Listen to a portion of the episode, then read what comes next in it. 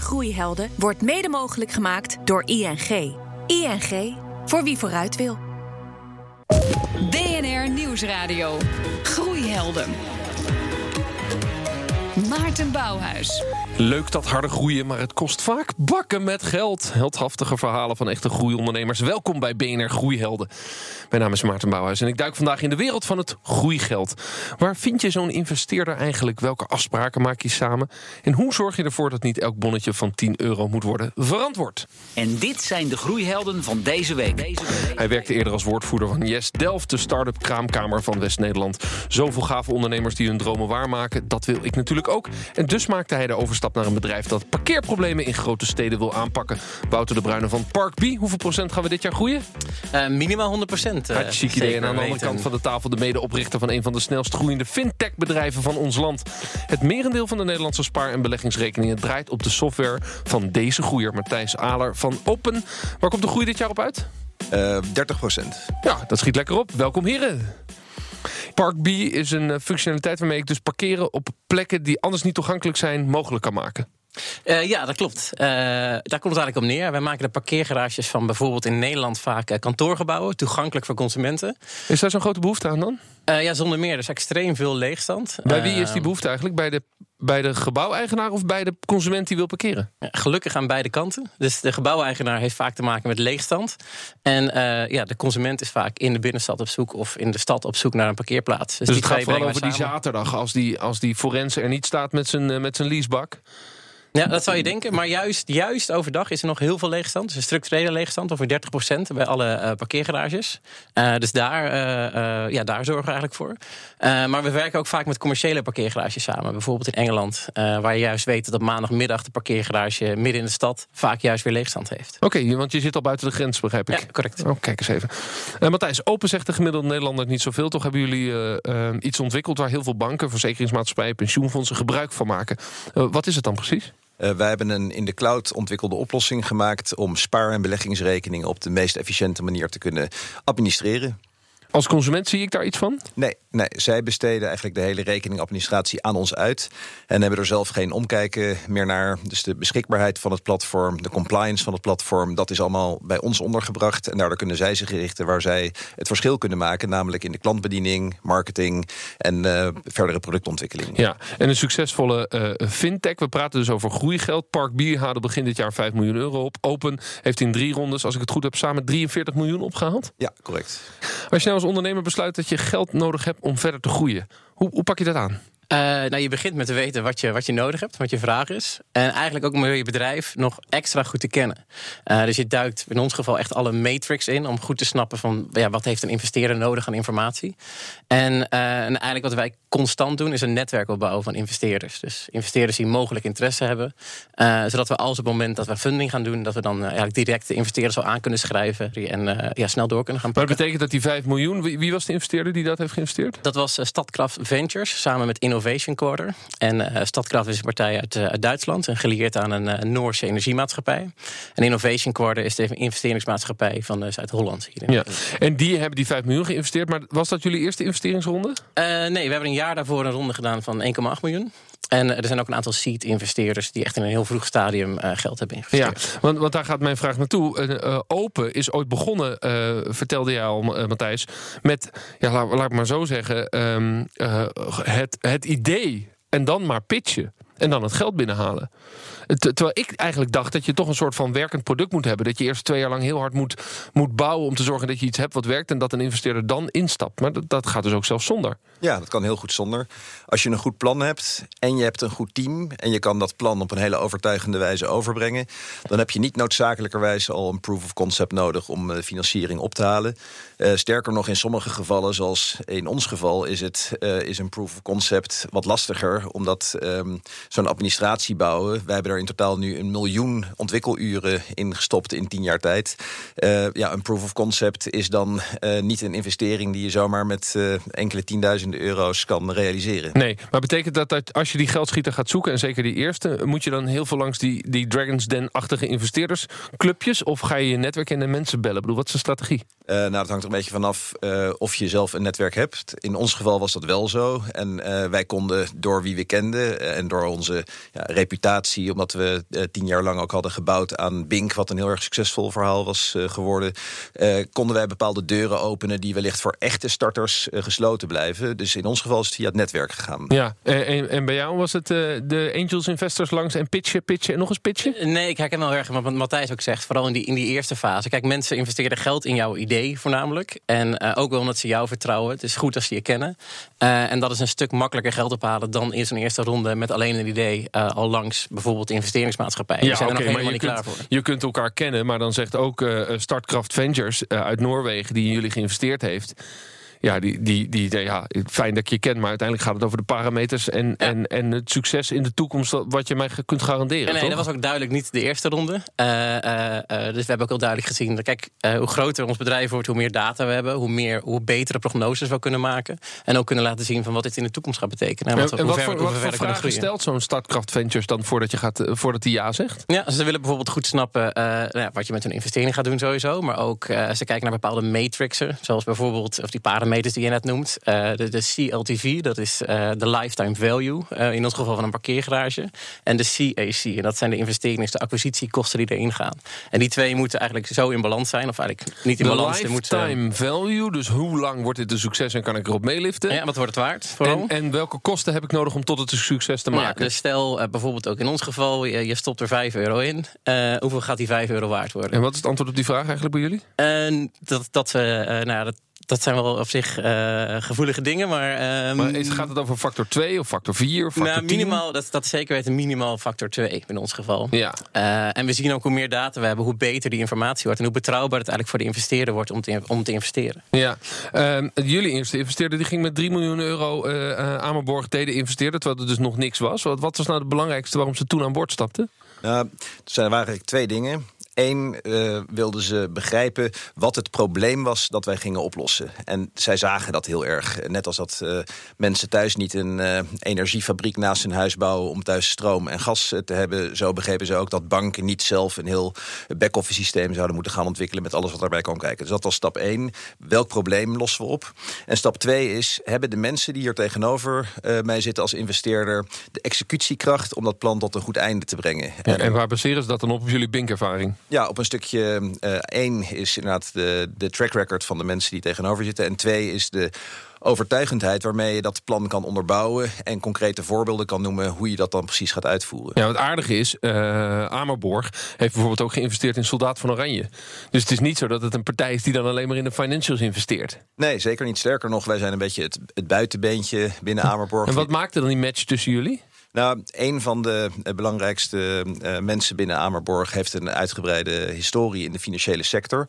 En hij zag als onderdeel van de directie van Amerborg van nou, wat deze eh, mensen hebben bedacht en hoe ze dat willen gaan uitvoeren. Ik zie heel erg wat dat in mijn leven eh, als bankdirecteur voor een verlichting van de zorgen zou hebben gezorgd. Dus ik, ik zie dat probleem. Dit is een goed idee. ja. Ja. Hoe stel je dan de hoogte van het bedrag samen? Want uiteindelijk moet, komt dan de vraag: hoeveel heb je nodig? Ja. Het lijkt me zo'n moeilijke vraag, vooral een moeilijk antwoord om eerlijk te zeggen. Ja, nee, dat, dat klopt. En dat, dat is ook niet heel erg eenvoudig. Je hebt dus ook eh, zelf weet je als ondernemer dat het maken van projecties over drie of over vijf jaar, dat daar heel erg veel onzekerheid in zit. En je moet je dus ook niet blind staren op die cijfers, want die, die, die creëren een soort schijnwerkelijkheid. Gelukkig zag Amerborg dat ook en was dus de business case eigenlijk maar een heel klein onderdeel van hun beslissing om eh, met ons eh, te gaan samenwerken. Maar hoe wij de hoogte van dat bedrag hebben vastgesteld, is dat dat we dachten van nou, we hebben eh, eh, een bepaald aantal ontwikkelaars nodig... en systeembeheerders en productspecialisten om dat te kunnen gaan bouwen.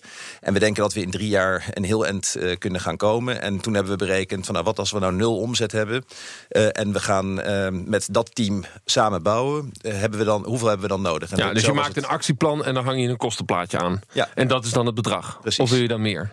Eh, nou, je, eh, je, eh, je berekent dingen voor een rainy day. Dus je moet nooit uitgaan van het verwachte scenario... maar eigenlijk uit moeten gaan van het negatieve scenario. dat dus je legt er nog, nog duurt. 25% negatief geld bovenop. in Nou, de zin van als het tegen zit. Je maakt een positief, een verwacht en een negatief scenario... en je, je zorgt ervoor dat je voor het negatieve scenario bent geëquipeerd. Ja, dan hebben we uiteindelijk een, een overeenkomst. Dat kan op allerlei manieren gaan. Van de convertible nota, wat helemaal hip is tegenwoordig bij de start-ups... tot gewoon een stukje aandelen.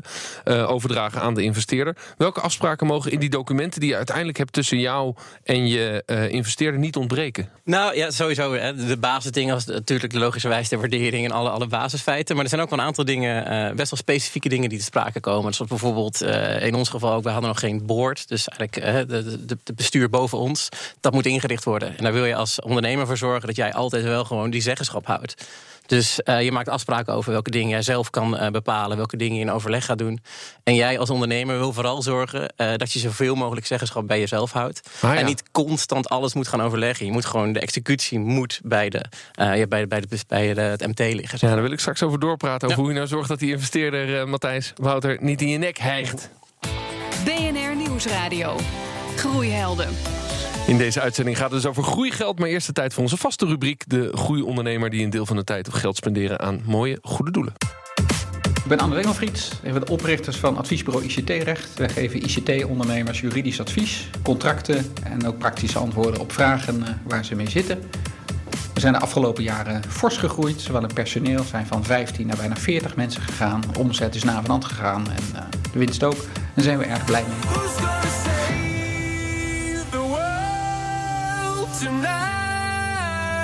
We zijn hier niet alleen voor de winst, wij geloven ook in verantwoord ondernemen. En een van onze doelstellingen die we vanaf het begin hebben gevoerd, is dan ook gratis advies geven waar dat kan. Via onze weblog, via Twitter en ook gewoon aan de telefoon. Als mensen vragen hebben die wij eenvoudig kunnen beantwoorden, dan doen we dat en dan sturen we daar geen rekening. Voor uh, goede doelen, uh, maatschappelijke initiatieven waar we achter staan, geven we ook vaak gratis advies. Uh, we zijn bijvoorbeeld uh, een van de partners van Stichting Bits of Freedom, die staat voor internetvrijheid, om eens wat te noemen. Hebben ook een aantal andere goede doelen die wij helpen. Zien we op moment veel vragen die organisaties om om te gaan met de nieuwe privacywet. Bij goede doelen is dat altijd een punt met donateurs bijvoorbeeld, hoe je daarmee omgaat.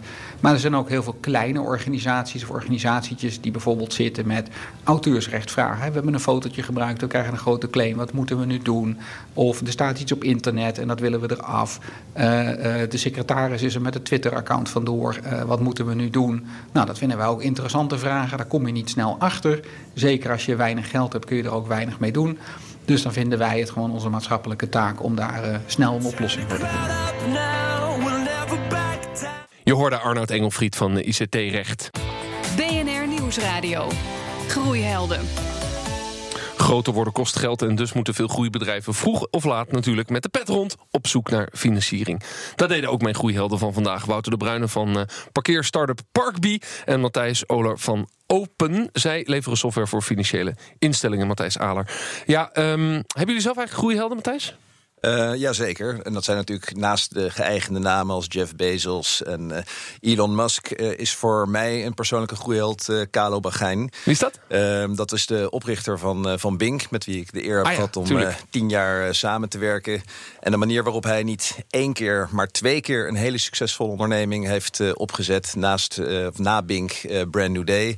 Dat vind ik enorm veel respect Het is wachten op de derde nou, succesvolle ondernemer. het mooie voor hem ook is, hij zit er ook in voor de lange termijn. Um, en wat aan hem prijzenswaardig is, is dat hij zegt van... Uh, uh, ik heb een uh, verhaal wat ik op een hele goede manier kan communiceren... wat ik op een consistente manier formuleer. En vervolgens is het gewoon uitvoeren, uitvoeren, uitvoeren. Ja, dat is knap. Ja. En zijn credo is, succes is 20% inspiratie en 80% transpiratie. Daar zou Elon Musk nog wat van kunnen leren? Van je moet even wat langer vasthouden aan je initiële idee... en dan gewoon op de executie daar je best op doen. Precies. In plaats van de grilligheid die hij ook met zich meebrengt. Nog ondernemershelden? Wouter? Uh, ja, zeker. Ik vind eigenlijk ook dat juist heel veel ondernemershelden heel erg dichtbij, dicht bij ons uh, staan ook. We zijn uh, met Parkby in Yes Delft begonnen. Ik kwam daar zelf ook vandaan.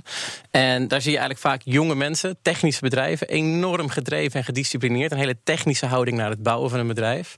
En een mooi voorbeeld daarvan bijvoorbeeld is Eline van Beest van Night Balance. En ik las gisteren dat zij door MIT is gekozen tot een van de 35 top innovators wow. dit jaar. En wat doet Night Balance dan? En Night Balance maakt eigenlijk een device om slaapapneu uh, te verhelpen of op te lossen. Oh ja, dus echt ja. een, een zorg uh, fintech, Precies, een zorgtech eigenlijk. Ja, vaak zijn het ook ondernemers die wij misschien niet kennen, want als je, als je, als je geen last hebt van slaapapneu, kom je er niet tegen. Maar uh, juist extreem gedisciplineerd en ja, heel erg ja. bezig om een bedrijf te groeien. We hebben het dus over die investeerders, over groeigeld. Je gaat in zee met een investeerder. Um, dat moet dan een goed huwelijk blijven. Moet ik die definitie van huwelijk ook aanhouden in deze? Ja, ik vind een huwelijk, mijn huwelijk is uh, gelukkig iets, uh, uh, iets gezelliger dan, ja, dan soms. Dus, de, dus de, de, de huwelijksvergelijking, Matthijs, wat vind jij? Is het toch een soort huwelijk met Amerborg? absoluut. En ik vind ook de, de vergelijking met een huwelijk heel goed. de afspraken die je met elkaar maakt zijn vergelijkbaar met huwelijkse voorwaarden. je weet dat je niet bij het eerste keer dat het tegen zit aan scheiden gaat. moet gaan denken. Want scheiden is lijden en ook in financiële termen. Dus ik, ik vind die vergelijking heel erg goed opgaan. Ja, precies. Maar goed, naast mij staat een man die net voor de tweede keer vader is geworden. Dus die heeft nog die, dat uberromantische huwelijksgevoel. Dat heeft hij gelukkig niet met zijn investeerder. Hoe vaak overleg je dan, Wouter, met je investeerder? Uh, we hebben maandelijks eigenlijk gewoon een, een, update. Dan nemen we gewoon alle, alle getallen, alle cijfers door, de ontwikkelingen door. Uh, uh, en eens per kwartaal een echte, ja, iets zwaardere strategische sessie. Ja, en in die maandelijkse update... als Mijn vrouw getallen... spreek ik meer. ja, ja, precies. Maar als er in die maandelijkse update negatieve getallen zijn... of de groei neemt af, is er dan direct vuisten op tafel? Ik bedoel, hoe gaat zoiets? Nou, ten eerste, gelukkig hebben we dat nooit meegemaakt. Dus wat dat betreft een makkelijk gesprek. staan we er nog heel positief in. Dus, dus wat dat betreft is het nog een heel rooskleurig huwelijk. Um, maar het is wel zo, wat ik net ook al aangaf, is dat, dat, dat we willen zorgen dat er heel veel van de beslissingen bij ons liggen. Dus uiteraard geven we updates, vertellen we altijd heel eerlijk en open wat er speelt. En als er soms negatieve ontwikkelingen zijn, dan zorgen we er eigenlijk ook altijd voor dat er een oplossing tegenover staat. Maar oké, okay, je hebt dus los van die cijfers wel eens negatieve ontwikkelingen meegemaakt. Kun je een voorbeeld geven van, van wat er dan een keer besproken hebt, waardoor je zorgt dat dan ook het mandaat en de oplossingskracht bij jou blijft liggen als directie. Ja. En die investeerder niet mee wil besturen. Nou, bijvoorbeeld een van de belangrijkste factoren voor onze groei is het aantrekken van nieuwe uh, locaties. Dus vastgoedlocaties waar wij de parkeergarage kunnen gaan optimaliseren. Uh, en hoe harder we groeien, hoe meer van die locaties we nodig hebben. Uh, dus we hebben wel eens ontwikkelingen gezien dat een maand bijvoorbeeld daar net iets minder in uitpakte. Maar wel gezorgd dat dan altijd meteen daar een plan tegenover staat. Om vooral daarna weer door te kunnen pakken. Ja, en, en ook het vertrouwen te houden van die investeerder. En die investeerder heeft nooit de neiging gehad om dan toch een klein beetje dichter naar die stoel van die directie te, te gaan. Nee, en daar is de relatie ook al zo goed in uh, ja, dat die dingen. Uh, ze zullen ons challengen. Dat moet ook. Wij moeten uitgedaagd worden. Uh, en wij zullen hen ook challengen. Maar het gaat niet zo ver dat zij zeggen van nou ja, wij kunnen dit beter. Ja. Dat, dat kan ook niet. In, dat in, kan jullie, in jullie huwelijk, Matthijs, is het ook een maandelijkse update en een kwartaal-update? Is dat vergelijkbaar? nou, het is iets anders. Ik denk dat bij ons het ten opzichte van heel veel andere investeerders en ondernemers onze relatie vooral heel erg informeel is. dus wij hebben weinig gezette tijden op de jaarlijkse strategie-update na waarop we elkaar op vaste tijden zien. Maar wij, uh, wij bellen heel regelmatig uh, met elkaar en, en, en leggen dingen voor, uh, klankborden. En krijgen op die manier heel erg veel ja, waardevolle uitwisselingen en advies. Maar dat is niet via een heel erg vast protocol. Maar, betekent dat dat je ook op, op relatief kleinere keuzes die je als directie maakt of wil maken, even met Amerborg, even klankbord of even goedkeuring vraagt? Nou, dat laatste zeker niet. Maar uh, zeker als je samenwerkt met uh, een investeerder die een achtergrond heeft in uh, personeelszaken. De, de oprichter van Amerborg is de, ook de oprichter van uniek uitzendbureau.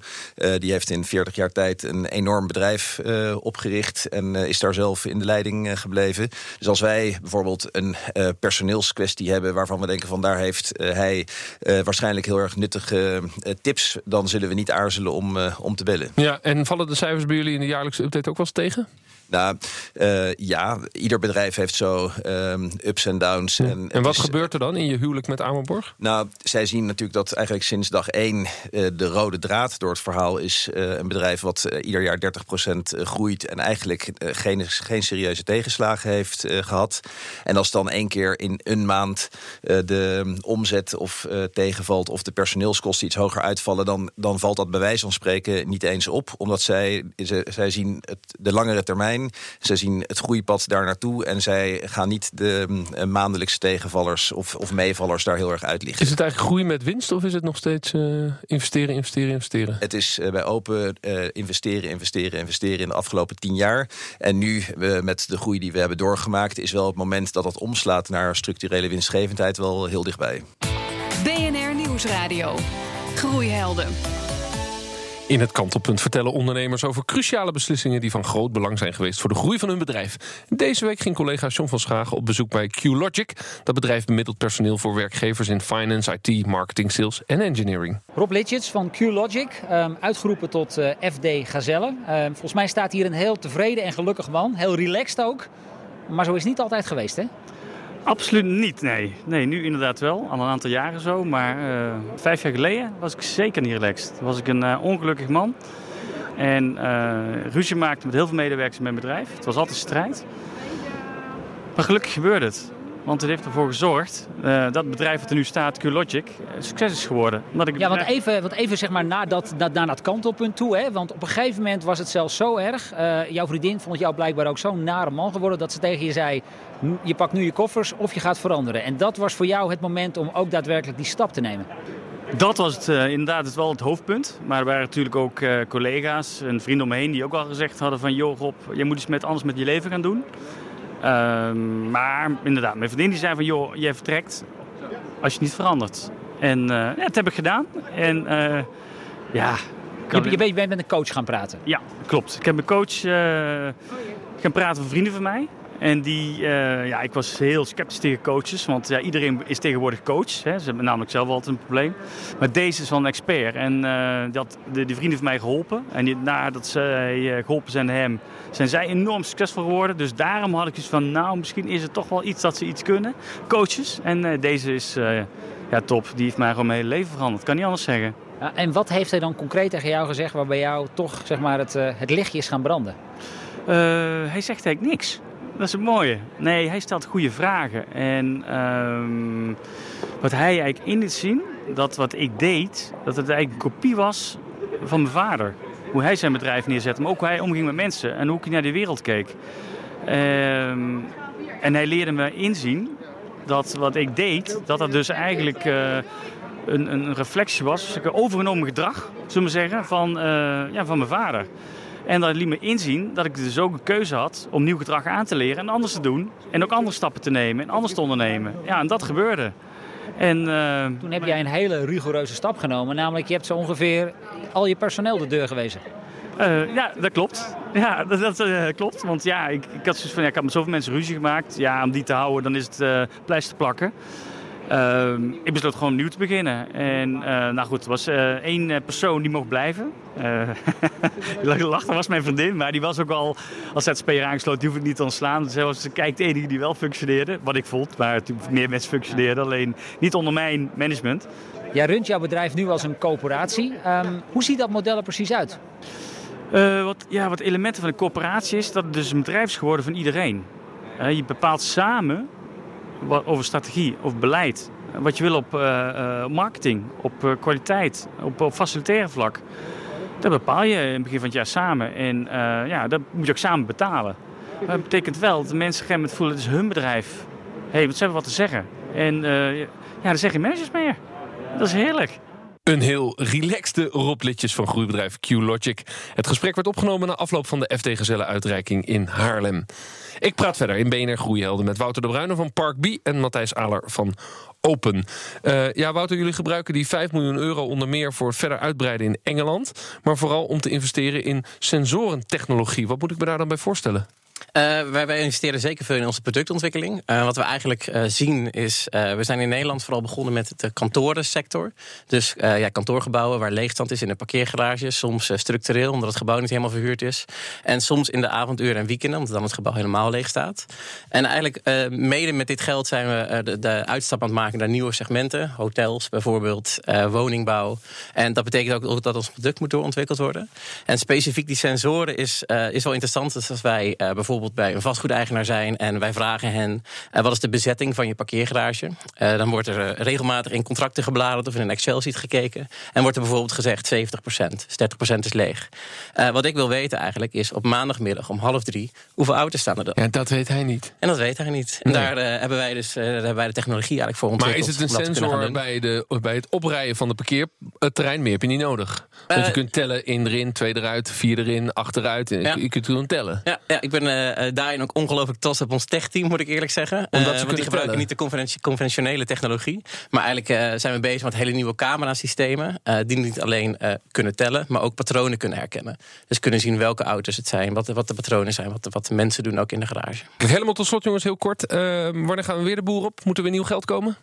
Ehm, nou, als we door blijven groeien, dan, eh, dan zou het niet hoeven voor onze huidige business. Maar we hebben zeker de intentie om vooral internationaal te blijven groeien. en daar heb je dus ook weer nieuw groeigeld Precies, voor daar nodig. hebben we nieuw groeigeld Maar voor komt er dan in nodig. 2019 een nieuwe ronde? Eh, wellicht eind 2019 zou dat, eh, zou dat mogelijk En bij jou. Matthijs, wanneer bel je weer met Amerborg? Nou, wij hebben in 2017 eh, de laatste investeringsronde gedaan. En daarvan staat nog het eh, merendeel tot onze beschikking. We hebben nog niet gebruikt. Dus wij verwachten voorlopig niet terug te hoeven. Je kunt nog wel even door. Dank aan mijn groeihelden van deze week. Wouter de Bruyne van Parkby en als laatste hoorde Matthijs Aler van Open. Terugluisteren en delen kan natuurlijk via de BNR-app, Spotify, iTunes. Luister dus de podcast. Volgende week hebben we het over groeien in de retail. En dan is onder meer te gast Michiel Muller van Picnic. Tot die tijd zou ik zeggen, blijf lekker doorgroeien.